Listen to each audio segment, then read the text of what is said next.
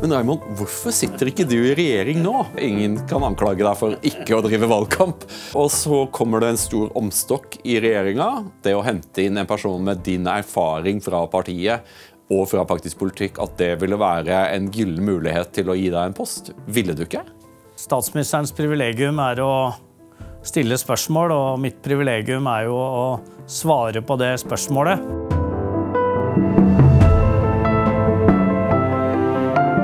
Velkommen til Toyes time, og i dag har jeg med meg avgått byrådsleder i Oslo, Raymond Johansen. Velkommen skal du være. Tusen takk for det. Du, Raymond Johansen, du har hatt en karriere som har strukket seg eh, via veldig mange ulike og veldig spennende jobber. Da jeg først liksom støtte på deg, så var du statssekretær i UD. Du var i, i, eh, Utenriksdepartementet i to regjeringer.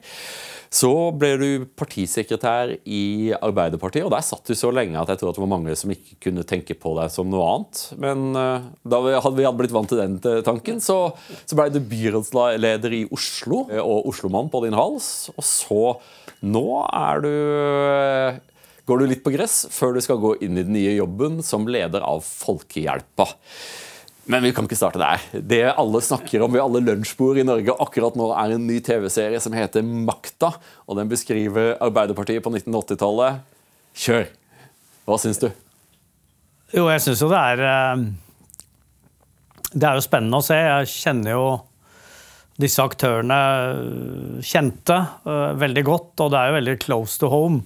Så det er jo litt sånn elementer av putte-TV i det. Sånn, eh, det er det, og så har jeg mine meninger om hvordan eh, de ulike personene er litt eh, beskrevet og sånn, men jeg syns det absolutt er veldig, veldig spennende. Og så har de jo lagd noe sånn at både er sannhet og løgn og ene med det andre. sånn at uh, da har de jo også litt kunstnerisk frihet til å gjøre sine vurderinger. Men jeg er jo enig i det. For det er jo, det er jo, politisk drama, og det skal være underholdende. Jeg, jeg syns det er veldig, veldig, underholdende, men er det sant? Og for svigerfaren din var jo Reilf Steen, ja. eh, og du kjente jo veldig mange av disse personene på det tidspunktet som serien omhandler. Var virkelig Arbeiderpartiet en sånn bøffelkonvensjon av hardt drikkende mannssjåvinist? Jeg tror det er én ting eh, som er viktig å ha med seg. At på den eh, tida og før det så var jo Arbeiderpartiet det statsbærende og store partiet i Norge. Så det som foregikk på en måte både av maktkamper og retninger internt i Arbeiderpartiet, var jo på en måte makten om Norge. Fordi at det var hvem som Arbeiderpartiet er jo en bred koalisjon. Eh, og det vi ser her, er veldig tydelig at her er det eh, kampen både om makta i Arbeiderpartiet, men makta om, eh, om Norge. Så derfor kan det gå hardt for seg, og det gikk helt sikkert veldig, veldig hardt for seg. og her var det jo gamlefar Einar som kom og foreslo noen løsninger på delt lederskap osv., som jo var en aktiv mann som hang på hornet, men hadde en stor uh, autoritet. Men det er den tenkningen om at makta i Norge og makta i Arbeiderpartiet det har alltid vært en bred koalisjon som har inneholdt alt av pro-europeere, anti-europeere, uh, til folk med sterk basis i fagbevegelsen. Folk som ikke har hatt det på, på samme måte. og en sånn type bevegelse har jo alltid skreket etter at det er en sterk, tydelig leder som kan bære denne breie koalisjonen på sine skuldre. Så var det jo Ja, for det var jo slik at jeg, leser dette sikkert feil, men liksom, så, det fantes jo én blokk uh, i Arbeiderpartiet som var uh, mangel på bedre ord, old school uh, sosialdemokrater. Einar Gerhardsen sosialdemokrater. De var nasjonale, de var industriorienterte og de var arbeiderklasseorienterte. Helt riktig. Og så var det en ny gruppe eh, som kanskje var litt mer sosialliberale. De var høyere skolerte, mer internasjonalt orienterte. Kanskje manifestert i den transformerende lederen Gro Harlem Brundtland. Og det var vel kanskje å vente at da eh, stafettpinnen skulle overleveres fra en til den andre, at det, at det, kom, til å bli, eh, at det kom til å bli grin. Det ligger et uh, dypt klasseperspektiv i dette. Mm. Eh, nå var det jo sånn at eh, de gamle lederne uten på en måte lang akademisk utdanning, som uh, Håkon Lie, som en Einar Gerhardsen, som en Trygve Bratteli, som en Reiulf Steen, som en Torbjørn Berntsen, en Gunnar Berge. Alle de Det var en del av det, men samtidig så var det også felles at man brukte akademia. Man hadde tunge akademikere som man lyttet til, en Erik Brofoss mm. og andre som la grunn, grunnlaget uh, for mye av bl.a. den økonomiske politikken. Og man bygde opp statsapparatet uh, innenfra, men det var på en måte tradisjonelle arbeiderklassen og de figurene som skulle lede bevegelsen.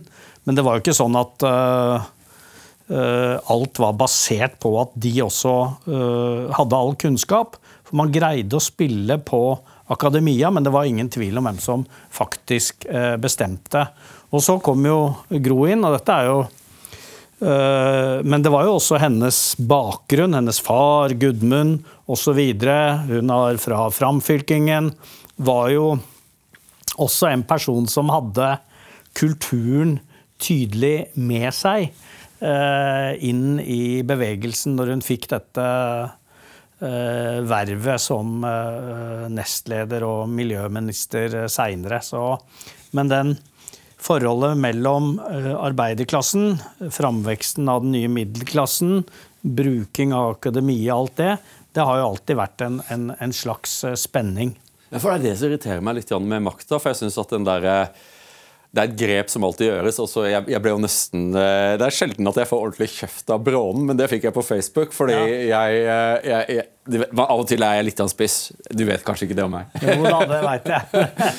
men, eh, så, jeg, jeg, påpekte liksom at, at Gro Harlem Brundtland har et ganske sterkt insentiv til å fortelle den feministiske historien om den lille pike som da går opp imot alle de fæle mennene, eh, og som da eh, som vinner i kraft av sitt kjønn, eh, og mot alle, mot alle odds. Mens jeg ville synes det var mer interessant om man hadde fortalt den historien om et, en generasjon som bygde opp et parti som ble statsbærende, og som kanskje hadde vanskelig for å forstå at deres tid var forbi krisa på 70-tallet, avindustrialiseringen, hadde gjort at det var nødvendig at Arbeiderpartiet måtte omforme seg. Men hvor mye?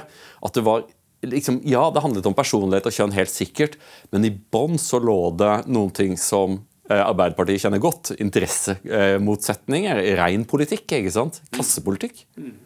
Jeg syns at de missa det, missa det, toget, men det likte ikke Bråne. Altså.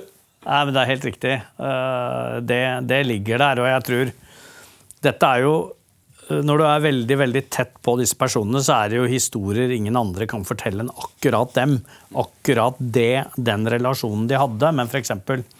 sånn som Gro og Reiulf sto jo eh, på samme side i EF-striden, e og den var der. Og eh, det er jo ingen tvil om at eh, den innsatsen Reiulf gjorde som partileder ved å samle partiet etter EF-striden, det fantastiske valget Arbeiderpartiet fikk i 1977. Eh, det er jo eh, litt underkommunisert i, på en måte i serien. Det, eh, Raulf var jo en retoriker, agitator, av rang. Jeg husker jeg var i EU-avstemninga i 1994. Ja, ja. Så var det et folkemøte foran Arbeidersamfunnet. Og den talen Og da var jo etter at han hadde, eh, hadde nær sagt eh, lagt opp ja. og vært ambassadør i Chile. Og den talen han holdt da om Europa, Norges plass i Europa, skrevet på en fyrstikkeske, det er en av de absolutt fremste talene jeg har hørt av noen norsk politiker. Det var den beste talen som ble holdt for ja-saken. For jeg var, jeg var, jo på nei-sida da, jeg var, jeg var der. Ja. Og det er en av de få gangene at jeg begynte å lure på om dette kom til å gå. For det var en ja, du var der da, ja. jeg var helt bakerst på Torgata der. Jeg ville ikke, ville ikke ned, i, ned, i, folkehavet. Ja. Men det var, det var, også Han hadde en glød og en overbevisende kraft. Eh, og det var første gang at jeg kunne se et, et, argument for hjertet for, eh, for, for, for ja-saken. For det var, det var, nei, det var vi som hadde hadde, det var vi som hadde hadde hjertet. hjerte, hjerte, Det er helt riktig. Det er helt riktig. Men Så hvordan var, det med, hvordan var dette med, med Reiulf og, og Gro og sånne ting? For det har jo blitt en sånn her vond greie. Var det så ille da det pågikk? Sikkert ikke hele tida, men her skal jeg være veldig forsiktig. Eh, Den, eh, den sommeren eh, hvor Og våren hvor Reiulf skrev 'Maktkamp', da jobba jeg som rørlegger i Armenia, og det var da jeg kom hjem, så gifta jeg meg med hans stedatter. Så, eh, og da var jeg oppe i fjellene i Armenia og var eh, og da var jo Engen-saken og alt det, disse tingene som kom, så da var jeg på satellittelefon en gang i uka. Og hadde jævla lite egentlig kunnskap, men jeg bare eh, Slik jeg forsto det, så skrev han 'Maktkamp' på seks uker aleine, nesten. Og da vitner det om en Så er jo det et partsinnlegg, selvfølgelig. Men det vitner om en intellektuell kapasitet som er betydelig.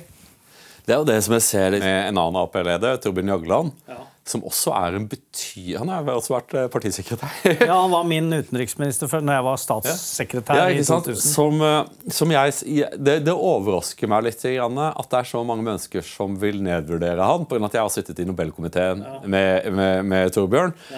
Jeg synes liksom, Hva er galt med å være nyansert? da? Hva er galt med å gi Nei, det er- eh, du, du, det, det, liksom, det er mulig at en person har svakheter. Kanskje til og med også karakterbrister. Det er ikke uvanlig i politikken. Absolutt men ikke. også det å ha fantastiske egenskaper som politiker og kommunikator. Eh, hvor- hvor- hvorfor er ikke det mulig? Hvorfor kan ikke folk anerkjenne det? liksom? Det burde folk anerkjenne. Og eh, jeg fikk akkurat den siste boka til Torbjørn. Den han skriver fra eh, sine erfaringer fra Europarådet og går gjennom alle hendelsene. Det anbefaler jeg å lese.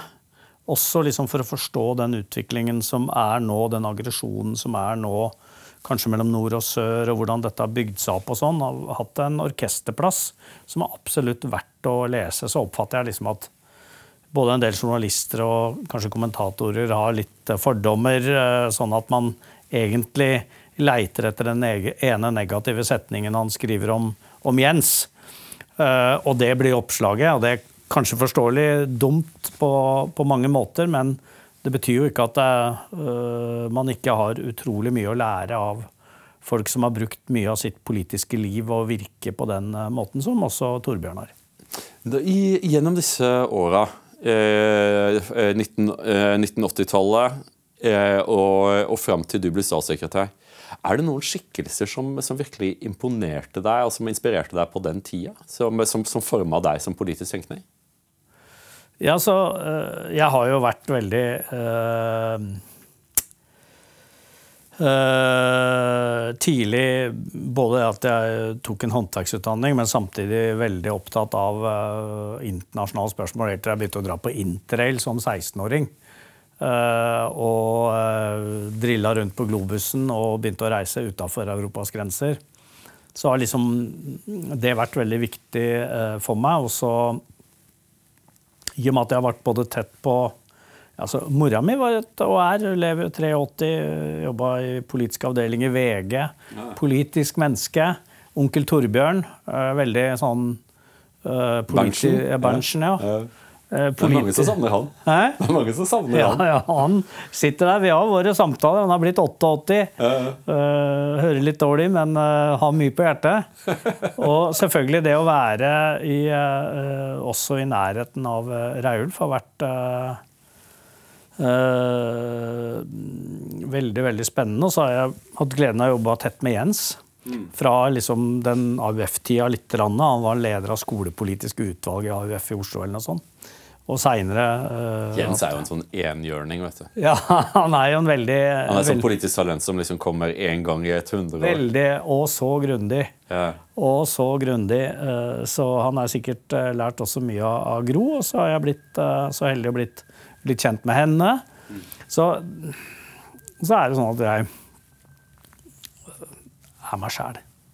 På en måte, hvis du sier sånn, det er mange skikkelser jeg har eh, vært i, i nærheten av og lært uh, enormt uh, mye av. Så det er en miks av mange forskjellige personer. Du er jo en av de som har vært med i Arbeiderpartiet, og som Kanskje til forskjell fra en del av de yngre folka som sitter i regjering nå. Du, du, du, du kjenner jo hele dyret. ikke sant? Det er, det, Arbeiderpartiet er et parti som er ganske forskjellig fra andre partier pga. bånda til arbeiderbevegelsen. AUF er et ganske annet dyr enn Unge Høyre. Ikke til forkleinelse for Unge Høyre, men det er noe annet. Og Det gjelder jo også fylkeslagene og liksom det hele. Og, du, du, kjenner jo hele, hele dette beistet. Men nå kom det en, eh, inn en eh, meningsmåling, siste meningsmålinga, oktobermålinga i TV 2, Kantar, klokker inn Arbeiderpartiet til 16,8% Hva i all verden er det som har skjedd med dette statsbærende partiet, som i løpet av mye av våre liv rutinemessig kunne regne med 40 oppslutning? Det er en, en, en stund siden, og jeg husker uh, Jens og jeg hadde high five bare sånn valgnatta 2013, eh, hvor vi tapte valget. Da var jeg partisekretær, han partileder, og da var det i hvert fall Vi greide i hvert fall 30 mm. uh, og uh, det er jo på en måte det som gjør at vi ikke er et mellomparti eller noe annet. og det er det. 16,8 ja, er et mellomparti? Det betyr, ja, det er Det er Frp-territorium, Frp det? Ja, det er dramatisk lave tall som ikke gjøre Arbeiderpartiet til Arbeiderpartiet. Og uh, nå er vi inne i en prosess, jeg sitter fortsatt i sentralstyret, inne i en prosess hvor vi både evaluerer og må se framover. For som du sier, så er jo en del av verktøykassa brukt. Altså statsbudsjettet er lagt fram, regjeringsskiftene er gjort. Og uh, tillit er noe du må vinne hver dag. Uh, ja, men Det er altså, det er altså floskel, liksom, tillit er en ting man må vinne hver dag. For det, saken er jo det at ikke sant, det er ulike måter å styre sosialdemokratiske partier på. Den ene måten er uh, Keir Starmer i, i, Storbritannia, som tar også stenger ned venstresida og går til valg på at vi klarer å styre dette bedre enn en de konservative. Er eksperimenten til, til sosialdemokrater? Så har du Venstre. I, nei, I Danmark så har du at man har bevega seg mer mot høyre øh, og, og, og beveget seg mot det politiske sentrum. Det har også funka på en eller annen måte. Og så har du den tyske, der man, tar, man lager allianse, sånn som du gjorde da du gikk i byrådet. Da går, går, du i byråd sammen med SV og MDG og, en, og, og rendyrker det rød-grønne. Mens det Arbeiderpartiet vi ser nå, synes ikke å ha valgt noen av none of the above, som det heter. Nei, og det er sånn, Hvis du skal gjøre en, en analyse, så er det jo klart at vi har jo tapt mange mange sosialdemokratiske velgere til Høyre. Ja. Det er jo det som har skjedd og tapt mye av det uh, vi kan kalle sentrum, middelklassesentrum, som vi har nødt til å ha. Ja. Uh, og så spørs det liksom, Hvis du alltid bare leser politikk som en sånn høyre-venstre-skala, og tenker at ja, da må vi bevege oss inn på, mot sentrum, eller vi må tette lekkasjen mot SV, bevege oss ut mot uh, venstre, så, så, mener jeg det forkludrer mer enn det forklarer, og det er vanskelig å legge en klar strategi med hensyn til det.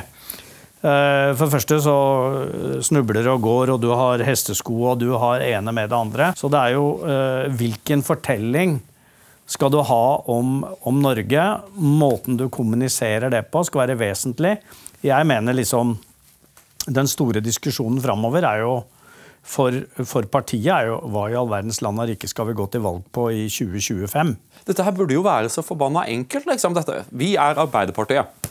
Elektrisitet. Vi skal ha billig strøm, og vi skal ha mye av det. det er, vi skal ha industri.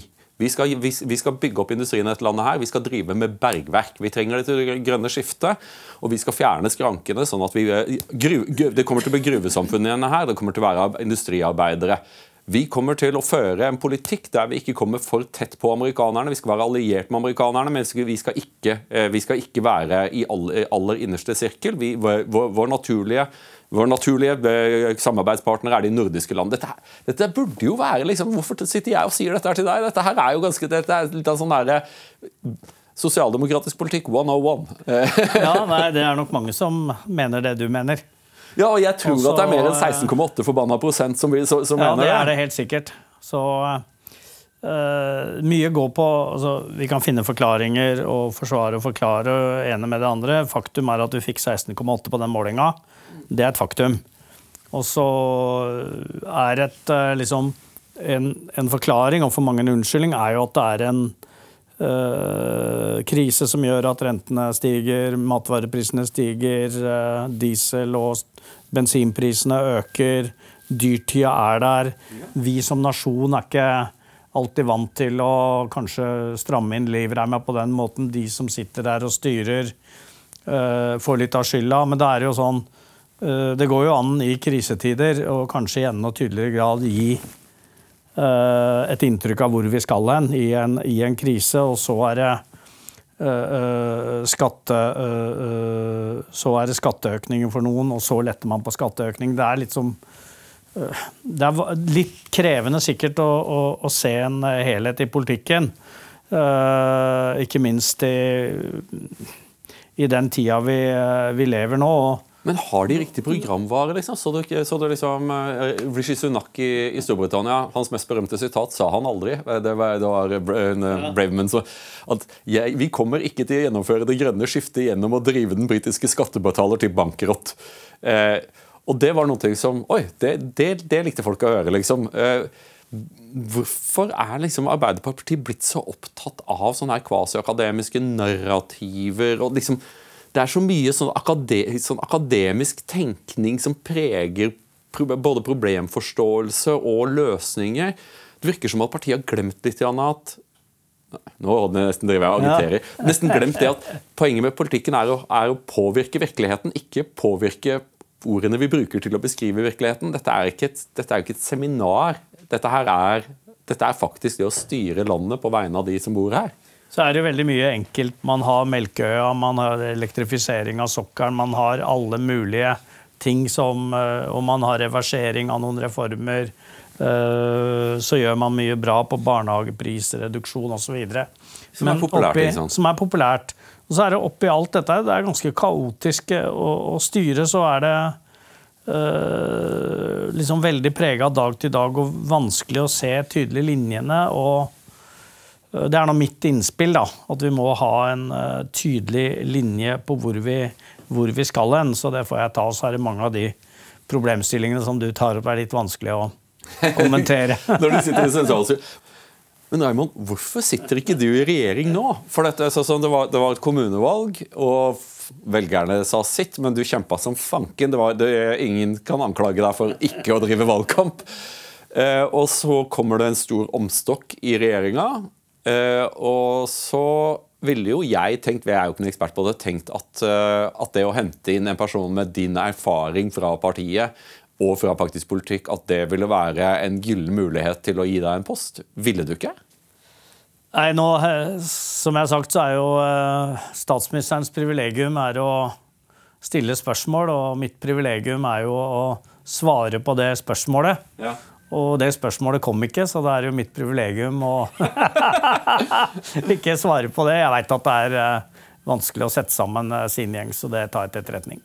Ja, selvfølgelig også som Uten å være ut, eh, uten forkleinelse til statsministeren, et spørsmål som, som moren min ba meg om å stille. Kommer vi noen gang til å se deg som statsminister i Norge? Nei, det gjør vi ikke. Er du sikker? Det er jeg sikker på. Fordi at stokken er jo ikke så full av folk som faktisk kunne lede Arbeiderpartiet. Og på et eller annet tidspunkt så, så må jo Jonas Gahr, eh, blir jo Jonas Gahr Støre også gammel. Så selv om han sitter i 40 år eller i fire måneder, på et eller annet tidspunkt blir det et lederskifte. Ville, eh, ville, du tenke deg å vende tilbake til politikken, eller er det folkehjelpa altså, som er det eneste nå? Jeg er eh, et politisk menneske. Ja. Det har vært helt siden jeg var 15 år. Og jeg sitter i partiets sentralstyre, og det er klart at det å jobbe med det jeg nå skal inn i også, uh, i, uh, i Folkehjelpa, er jo politisk. Det er jo politikk, men det er ikke partipolitikk. Så du har på en måte mange måter å Du utøver politikk uh, på sett og vis her og nå. Ja, ja. Men vi er, vi er, det er jo det vi gjør. Ja, vi er borgere i et demokrati. Ja, det er det vi er. Så jeg, jeg vil bare si at vel det partipolitiske jeg ønska da, var veldig klar når jeg stilte til valg for tredje gang i Oslo at jeg kom ikke til å sitte i rådhuset hvis vi ikke vant. Og det var en del av, av, av bildet. Og nå er jeg så heldig å få anledning til å få meg noen nye utfordringer igjen. Så det ser jeg fram til. Og så uh, spå den framtida og livet, det er, det er, ikke lett. Og så når man begynner å trekke litt på åra, så er det sånn at det aller Kom nå igjen, du er 62 år Ja, da er jeg ikke gammel i det hele tatt. Men det er jo helse og sånne ting da, som er Jeg har barnebarn, og jeg er øh, Og jobber og kommer til å jobbe øh, steinhardt. Men jeg kommer jo selvfølgelig til å bry meg om hvordan det går med Arbeiderpartiet. Ja, det, det tar jeg for gitt. Men så, som, første gang jeg kom i kontakt med deg, øh, så var du statssekretær i UD. Eh, og, og folk var litt redde for deg, fordi du var politisk. og jeg, det, Da syns jeg at, at du var litt for hard i klypa. Nå savner jeg det litt, for det er så veldig mange folk som er så veldig milde og omtrentlige og forsøker å, liksom, å, å snike seg ut bakdøra på ethvert spørsmål. Kan aldri, du kan aldri få et rent svar ut av noen. Det håper jeg ikke jeg gjør. Nei, nei, det, ingen skal anklage deg for det. Men ta så snakk litt om eh, tiden som, som statssekretær i UD. Hvordan var det? Eh, jeg var jo henta da eh, Jeg hadde jo vært fire år avdelingsdirektør i Norad før det.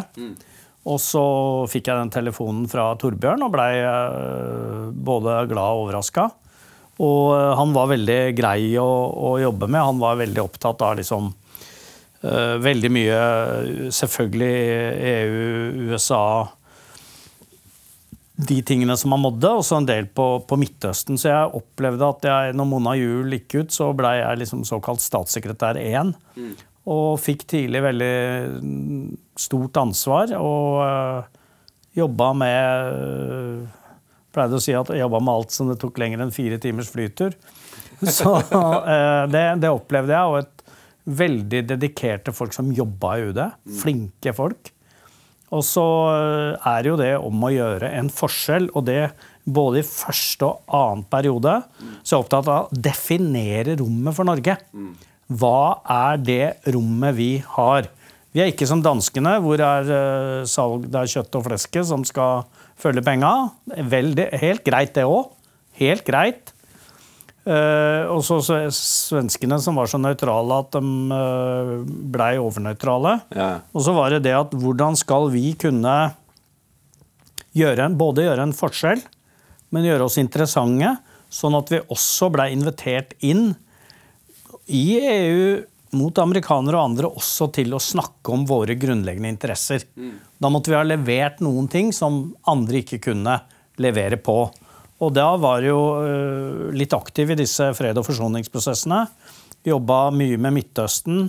Uh, jobba mye med Afrikas Horn. Og blei jo sendt til Eritrea for å åpne ambassade etter jeg gikk av.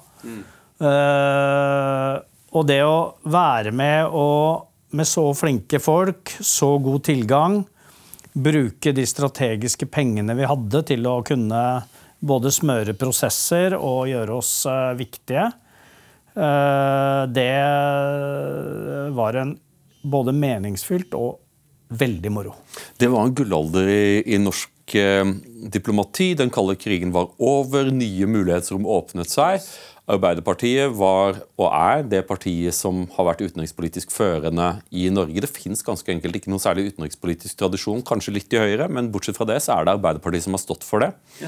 Du nevnte at eh, du uh, jobba som rørlegger i Armenia. Det var etter jordskjelvet. Hvilket år var det? Eh, Det var i 89. 89, ja, ikke sant? Mm. nå har jo noe forferdelig skjedd i Armenia. Utbytterrepublikken Nagorno-Karabakh eh, har blitt etnisk rensket. Hva tenker du om det? Det var veldig mye når jeg eh, bodde i Armenia eh, og eh, var i helgene og hadde nær sagt vi drakk oss fulle i Erevan, så eh, var det sverd, sånn sverdbrandy? ja, helt riktig. Jeg har mye å fortelle fra det. Men da var jo også krigen på eh, mellom uh, armenere og aserbajdsjanere inne i Nagorno var jo også veldig tøft da. Det har jo vært en, en kald fred i noen perioder, og så har det uh, flamma opp. Og uh, det som har skjedd nå, er jo uh, smertefullt og vanskelig. Og tydelig at russerne her har uh, trukket seg så mye tilbake at de ikke har gitt armenerne den eh, støtten de har. Mm. Så den interessen jeg fikk, og det var jo samtidig da, så var det jo også eh, På denne tida så skjedde det jo mye også i Georgia. Og utbryter- utbryterrepublikkene der. Så uh, Georgia og Kav Kaukasus er jo en kruttønne.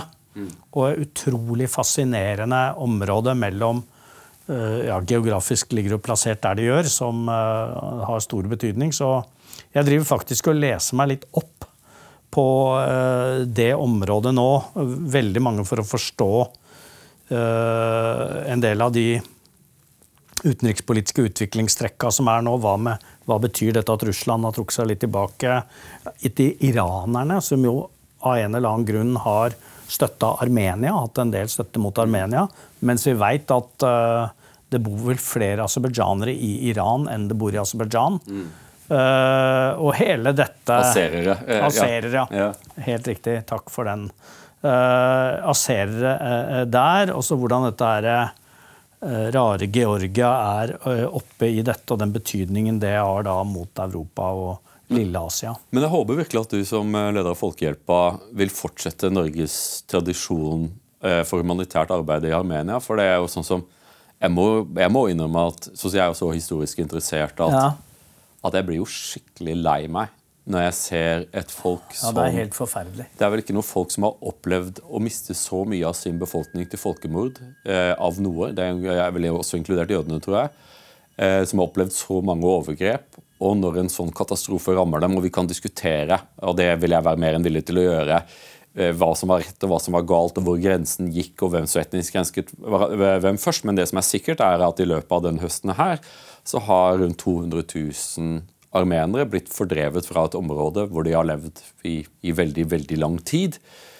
Og eh, Armenia står uten venner i verden. Deres store beskytter Russland er opptatt med andre ting. De stilte ikke opp da de trengte dem. Eh, og jeg håper da at, i at iallfall i humanitær forstand at Folkehjelpa ikke vil glemme dem. Et av de uh, sterke minnene jeg har, jeg var uh, i uh, Jerusalem. Og uh, der er jo også det armenske kvarter, og jeg traff også han uh, Kardinalen var det vel for den armenske kirken. Mm. Gammel, gammel, gammel mann. Dette var på kanskje 2000. Og han var når han liksom traff meg og hilste på, så jeg var fra Norge, så liksom holdt han og, og, og, og, hadde behov for å fortelle hele historien om Nansen-passet. Om uh, at det var grunnen til at uh, hans familie hadde overlevd, i motsetning til alle andre. Og da får du jo den som jeg ofte gjør, den der at du har holdt ens hånds, og hans hånd har holdt eh, sin mor og fars hånd og osv., så, videre, så er det noen bindeledd her som egentlig ikke er så langt tilbake. Hvor du holdt på å utrydde en, eh, en, eh, en nasjon, armenerne.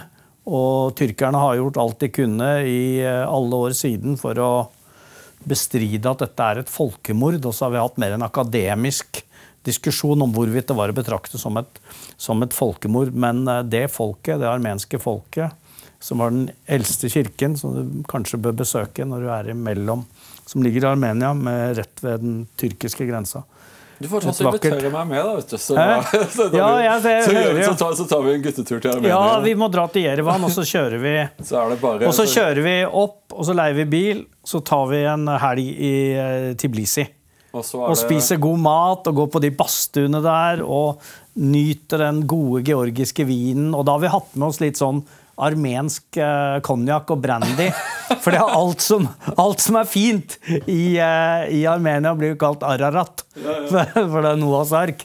Så det er så både fint Så sitter vi i badstua og spiser granatepler. Ja! ja, ja, Nei, det høres ut som, det høres ut som en god plan. Nei, men det, var, eh, det er viktig, armenske folket, hvordan de, de, de lider nå. Men du ser jo hvordan Det er jo dehumanisering, det er tall. Eh, det er vår evne nå til å ta de ulike lidelsene opp i oss som eh, er en kjempeutfordring. Ja, så er det jo det at i en verden som har tydeligvis veld, som har en verden som har litt sånn ADHD, klarer bare å fokusere på én ting om gangen, eh, så er det jo enten da Ukraina, eller så er det Israel. Og så står da dette gamle folket som nok ikke har vært veldig flinke i diplomati. De har ikke vært veldig flinke til å få forståelse for sitt perspektiv. eh, står igjen alene, og, det smerter meg virkelig. Eh, og nå har de tatt imot Det er et ganske fattig land som har tatt imot land. 200 000 flyktninger som, som lever på Mange lever på gata og lever i dårlige flyktningleirer. De trenger hjelp, altså. Så jeg håper at, eh, at folk der hjemme også takk. Og folk der hjemme også tenker litt ja. på at det er, det er lidelse mange steder i verden. Ja. Det var jo derfor eh, vi dro til Armenia. Det var jo en stor Røde Kors-innsamling eh, etter jordskjelvet. Så, og det var gaven da fra Norge var at vi skulle bygge dette sykehuset. Og så vant det firmaet jeg jobba for, og så var det noen elektrikere og noen uh, snekkere og tømrere, og så dro vi opp. Så det var jo da det var en kjempestor innsamling i sin tid som gjorde at man reiste dette Fridtjof Nansen Hospital in Spitak. Men i Norge så er det jo ikke det som, som, setter, som setter strøm i ordskiftet. Nå er det jo en helt forferdelig situasjon som foregår i Midtøsten. Du har jo også jobbet mye med Palestina-spørsmål. Kan du forklare litt for oss eh, Vi kan kanskje ta det som er enklest, men kanskje ikke også mest vanskelig. og det er at Norge stemte i FN for en våpenhvile, mens de andre nordiske landene gjorde ikke det. Det er ganske uvanlig. Hva, hva var grunnen til at Norge stemte slik? Jeg, nå vet jeg at ikke du, du var i rommet da dette ble besluttet. Nei, jeg tror du, ganske sikkert at uh, uh, Både litt sånn for at uh, Norge har den posisjonen de har mot Palestina, og at jeg tror også, og jeg håper det, at noen europeiske land må på en måte ta på seg rollen med å bygge broer mot nord og sør. fordi at jeg frykter nå, som følge av dette, at vi får en sånn Vesten mot resten. Eh, og eh, vi kjenner eh, konflikten, begge to. Og den emosjonelle delen av det. Beskyldningene om doble standarder. Noen menneskeliv er verdt mer enn andre, osv. Så, så uh, på sett og vis så var det kanskje mer overraskende at danskene og svenskene stemte som de gjorde. Eh, for her var det jo avholdende som Norge uh, stemte gult. Uh, nei, unnskyld, de stemte grønt, og så stemte de andre gult. Altså avholdende Danmark og Sverige. Og så var det jo noen som stemte mot. Så jeg tror det var et sånt nyttig bidrag. Og så blei sikkert den israelske regjering irritert i en periode, og så Sånn er nå diplomatiet, da. men hva er målet med dette? Du har jo sett uh, intifadaer komme og gå, men aldri før har vi sett uh, den israelske hær fullmobilisere og rulle opp Gazastripen med, med sivilbefolkningen foran seg, fra nord uh, mot sør. Hva er målet med dette? Er, eh, for de sier at de skal ned i tunnelen, og sånne ting, og det er høyst forståelig. Et slikt terrorangrep ville ingen suveren stat kunne heise på skuldrene til. Noen ting måtte gjøres. Men hva er sluttmålet? Ser du noen ting her? Dette er eh, taktikk uten strategi. Ja. Eh, taktikken eh, er å knuse Hamas og få frigitt gislene. Uh, uten konsekvenser og en plan for uh, hva som vil skje etterpå. Ja, for De kommer jo til å sitte igjen med en Gazastripe som er flatbomba, og to millioner mennesker som jo må leve og gå på do, og de må spise, og de må ha tak over hodet. Midtøsten er forbløffende kaldt om vinteren. Folk vet kanskje Ja, ikke det. uh, og det, man tenkte det at når Ariel Sharon i, i sin tid trakk seg ut av Gaza og overlot det da eh, eh, til uh, palestinerne, og senere da til Hamas, så var på en måte det kunne selv tatt det, ja, nå gir vi dette tilbake til palestinerne. Men det var jo også fordi det var jo helt umulig og vanskelig for israelerne å eh, okkupere og ha kontroll på, eh, på Gaza. Og det kommer de aldri til å få nå heller. Helt sikkert ikke. Så det er jo Så du tror ikke at de skal ha etnisk grense Gaza og skyve befolkningen inn i Sinai? Ja, men det vil ikke egypterne akseptere. Eh, Egypterne er jo ikke store økonomiske vansker. De kan vel bestikkes? Ja, men da har du en, en folkefordrevning av det som jeg tror det er eh, helt umulig å både få aksept for og kunne eh, gjennomføre.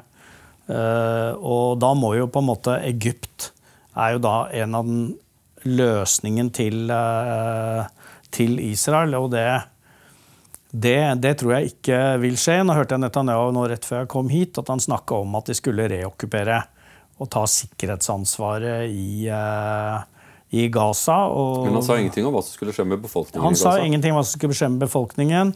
Han sier ingenting da hva som vil skje på Vestbredden. fordi faktum er jo at litt av det som skjedde i Gaza, skjedde også fordi at veldig mye av sikkerhetsstyrkene, militære IDF, var jo flytta til Vestbredden. Uh, og der driver jo settlerne uh, en stor aktivitet for å ta landsbyer og land. Nå må jo det trekke seg tilbake inn til, uh, til, til Gaza. For å kontrollere det, så er det vanskelig for å Akkurat nå når røykteppet er her, alt skjer, så er det vanskelig å se hva som vil være en politisk løsning. Men dette har jo hele tiden vært en utfordring hvor vi, når vi starter med å anklage noen for å være terroristorganisasjoner Jeg er veldig tydelig for å si hva som er en terrorist. En terrorhandling. Ingen tvil om hva Hamas gjorde, er en terrorhandling. Bombingen nå over deler av uh, Gaza er jo samme.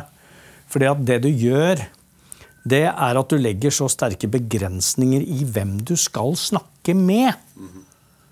Altså, Taliban de er der. Du er nødt til å snakke med dem. De har overtatt. De sto klare under hele når ISAF og alle styrkene var der. Men det at du har sånn, og nå er det Hamas kan du aldri snakke med, eller du kan, og du har en rekke organisasjoner du ikke kan snakke med, selv om de har stor makt på det området du ønsker å bidra til en løsning for. Men, men så, si til meg, Hvorfor i all verden skal Norge bidra med en løsning? Det er jo ikke som om eh, Nei, Norge, ligger, ligger rett, rett, ved siden av Agder. Nei da, Norge Det er ikke sikkert de skal eh, bidra Eller de kan jo bidra med en løsning, fordi at Israel-Palestina-konflikten Den fjuler gatene fra Mogadishu til Islamabad, mm. til Paris, til Oslo. Mm. Uh, man skal aldri undervurdere Og det er nesten, og jeg pleide før å kalle det alle, alle krigers mor. Uh, og det ligger noe under her. Med beskyldninger om, uh, om, om dobbelt standard. Mm. om at ikke et menneskeliv er like mye verdt. Mm. Så vi er nødt til også, Det har også betydning for Europa. For hvis du snakker nå Du kan gå på Mortensrud og snakke med en gutt han kan alt om eh, bombingen av Libya, oppløsningen av Libya, behandlingen av flyktninger som kom inn. Hva som skjer i amerikanerne, som ikke hadde FN-mandat, som gikk inn og, og, tok Saddam Hussein. De tok livet og beskyldningen, og Gaddafi skulle liksom drive med, uh, etnisk cleansing i Meghazi. Uh, og hva med Syria? Hva med russerne her? Og så skal vi ta imot ukrainske flyktninger, og vi skal sende F-16-fly. Yeah. Alle disse tingene kan de! Yeah. Og, og, snakker om. Og det er bare den å få en, en, både en rettsorden og en forklaring og forsvar og konsistens i dette er også viktig av mange flere grunner enn at vi skal løse Midtøsten-Palestina, eller eh. Det er måten å håndtere det på, måten å snakke om det på, i den verden vi lever i nå, hvor eh, migrasjon, flyktninger, integreringsproblemer, terror, terrorhandlinger Alle de tingene vil ha stor betydning. Men er ikke liksom så jeg... Nå må jeg bare ta en host. Han blir ivrig jeg nå, vet du. Ja, ja.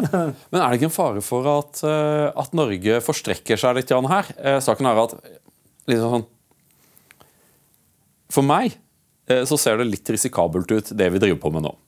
når du ser på hvem er det som støtter Ukraina i krigen, så er Norge nummer tre. etter USA, Storbritannia og så Norge. Av de tre landene er det bare ett land som har en direkte grense mot Russland.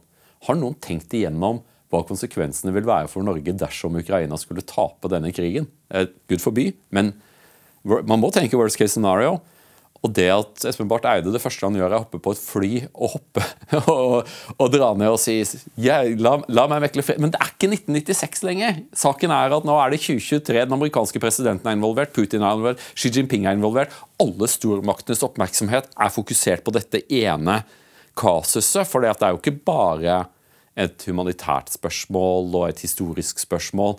Dette er jo også et storpolitisk spørsmål der eh, dette er, det er jo I utenrikspolitikken er jo, allting kan jo alltid bli verre. Og dette og er jo noe som allting, kan bli verre. Allting henger sammen med alt. Vi har nå Sudan som er i ferd med å klappe sammen. Ja. Egypterne sitter og ser på det.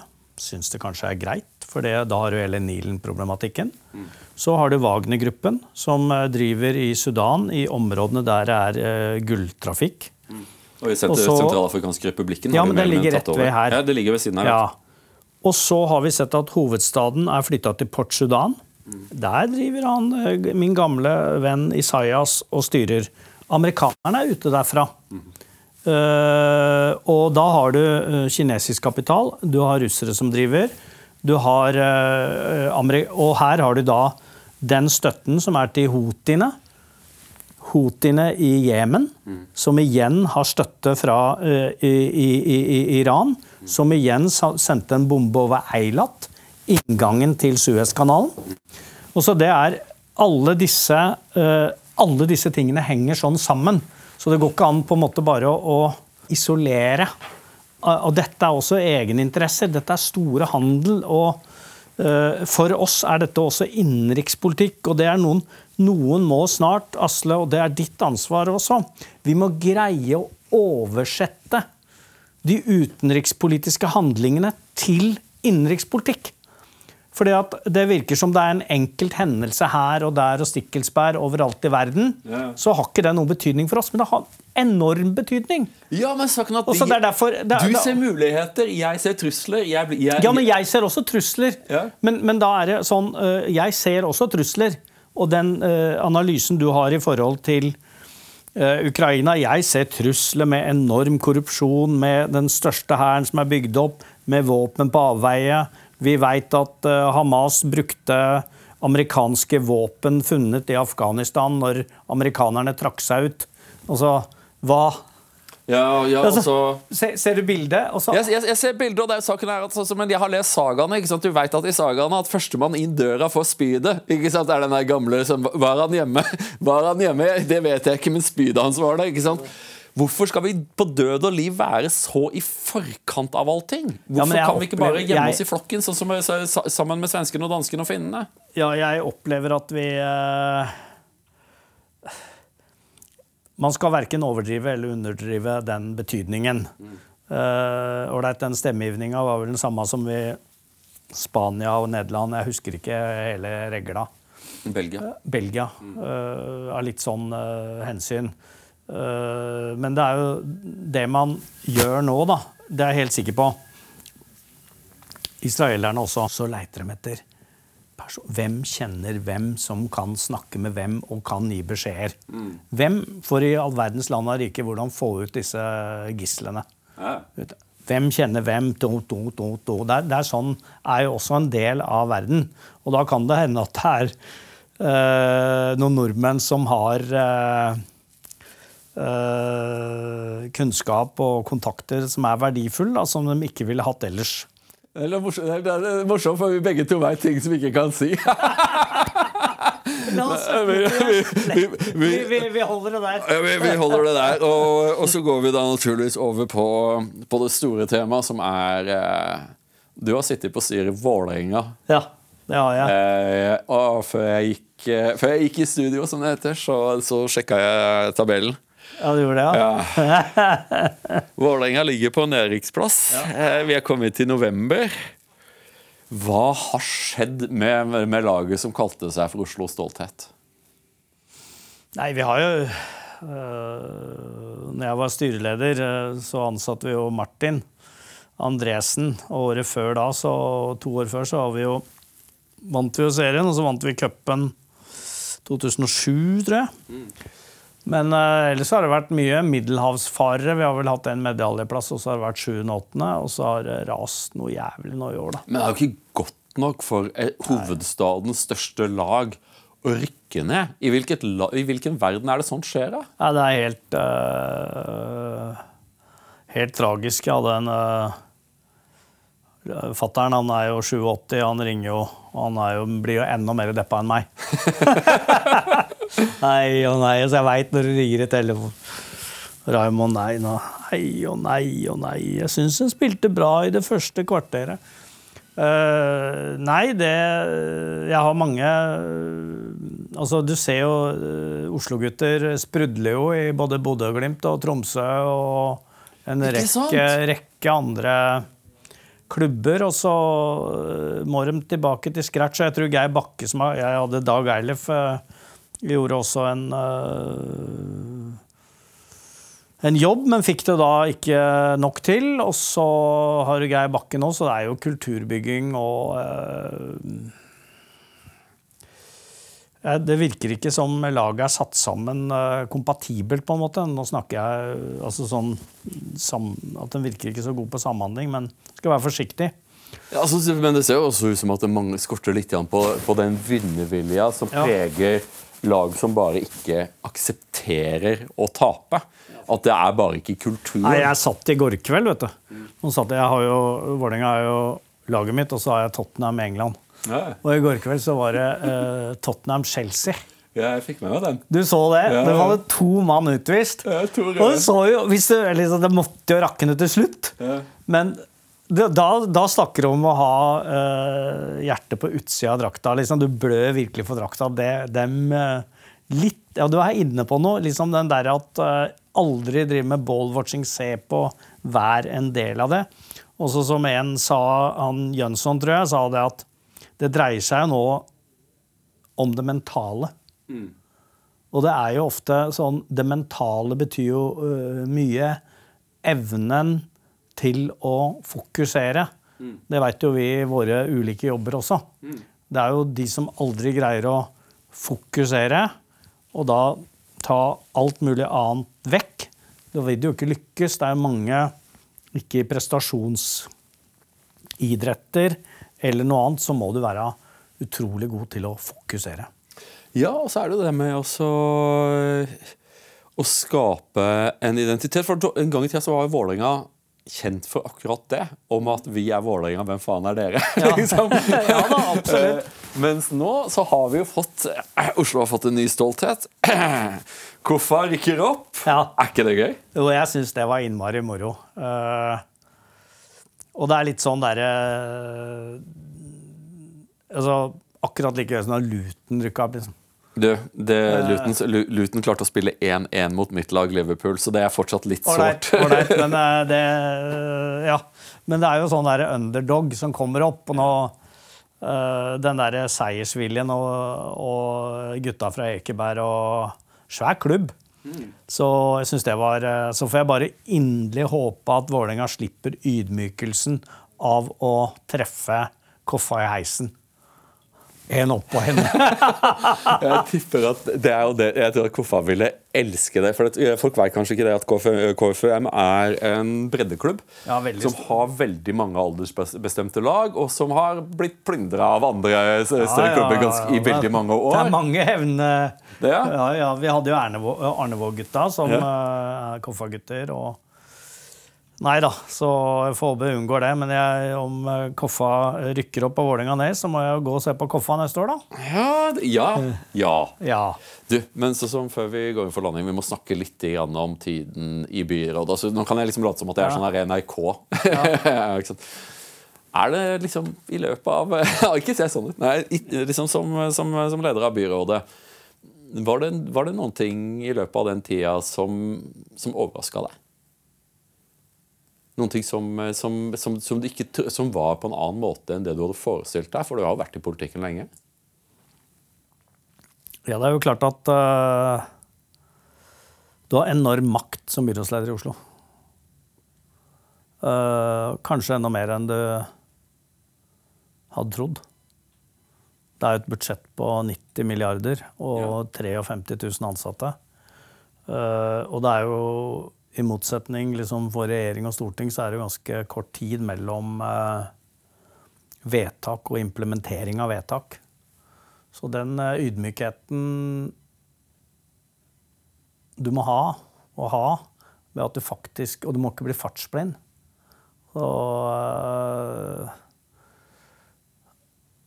Ja. Øh, nå er det jo så lenge jeg satt som byrådsleder, så liksom overraska. Ja, jeg tror kanskje at det, den bevisstheten i hvert fall om at du har enorm makt til å påvirke folks hverdag, og så blei jo den selvsagt veldig forsterka under pandemien. Ja, for du skrev, en, du skrev en bok som het 'Gjennom krisa', Ja. kom vel ut i 22, om hvordan det var å, å lede Oslo gjennom en pandemi. Har ikke, vi har ikke opplevd det siden influensaepidemien på 20-tallet. Så hvordan var det egentlig?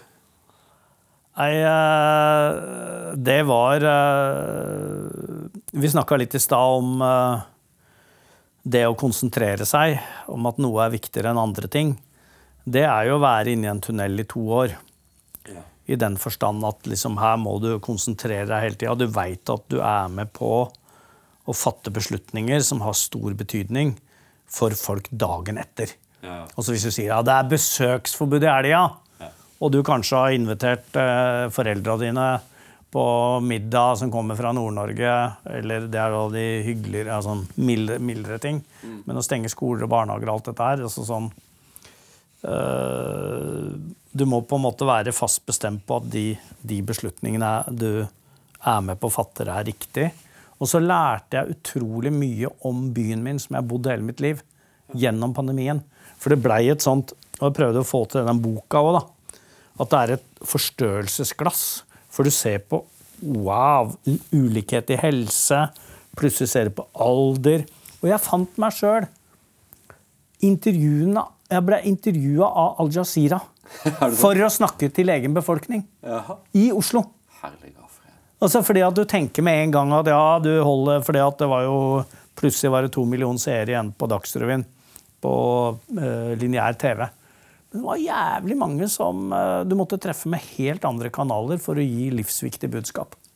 Ja, for du var jo veldig synlig gjennom det. Og det er jo noen ting som eh, Jeg tror kanskje med fremveksten av at vi har fått en ordentlig storby eh, Du ble jo latterliggjort for det der med byregjering og sånne ting, men er, jeg, jeg forsto hvor du ville, pga. at eh, lederen i byrådet er veldig synlig og på en eller annen måte liksom en, en slags statsminister på byen. Vi så jo det under pandemien, at, at du talte til byen din for byen din. Og jeg så jo også det samme som deg. liksom, at jeg, Når jeg reiste på offentlig transport, så kunne du se litt om hvordan det gikk med folk. Og du så liksom Når nedstengningene hadde vart en stund, så så du at folk ble frekkere med hverandre. Så at det var kortere fra at folk ble forbanna over en forsinkelse på bussen. Du så liksom at, at folk var pressa. da. Eh, og det syns jeg var veldig fint, at, eh, for at du var flink til å kommunisere. Og jeg tror at det var også viktig at folk følte at det var noen som gikk på jobb, og som brydde seg. Det hadde ikke vært det også sånn hands off-ledelse hadde ikke funka så bra der, tror jeg. Må ha hatt en emosjonell ledelse i tillegg. At du skjønner at folk har det jævlig og sliter med sitt. Kommer aldri ut av underbuksa. Hele dagen du er på Teams og du det, det høres ut som at du har hatt sånn spycam hjemme hos meg. ja. Jeg var jo i rådhuset, jeg er ofte helt aleine. Hadde bare noen uh, rådgivere der. Så, uh, men jeg har lært uh, byen å kjenne enda bedre etter, etter pandemien. Og fortsatt vet du, så er det jo sånn at vi ikke har sett alle konsekvensene av dette her. Fordi at den kriminaliteten som kommer til å øke nå, som vi så gikk jævla ned og sånn Du så ikke alt hva som lurte, og hva som skjedde. og noe av det der, som er et kjempestort ansvar for oss som sysler med politikk eller samfunnsliv på andre måter. Og det er litt av det, bare for å slutte der vi begynte. Det må jo være å gi folk et framtidshåp. Unge mennesker et framtidshåp.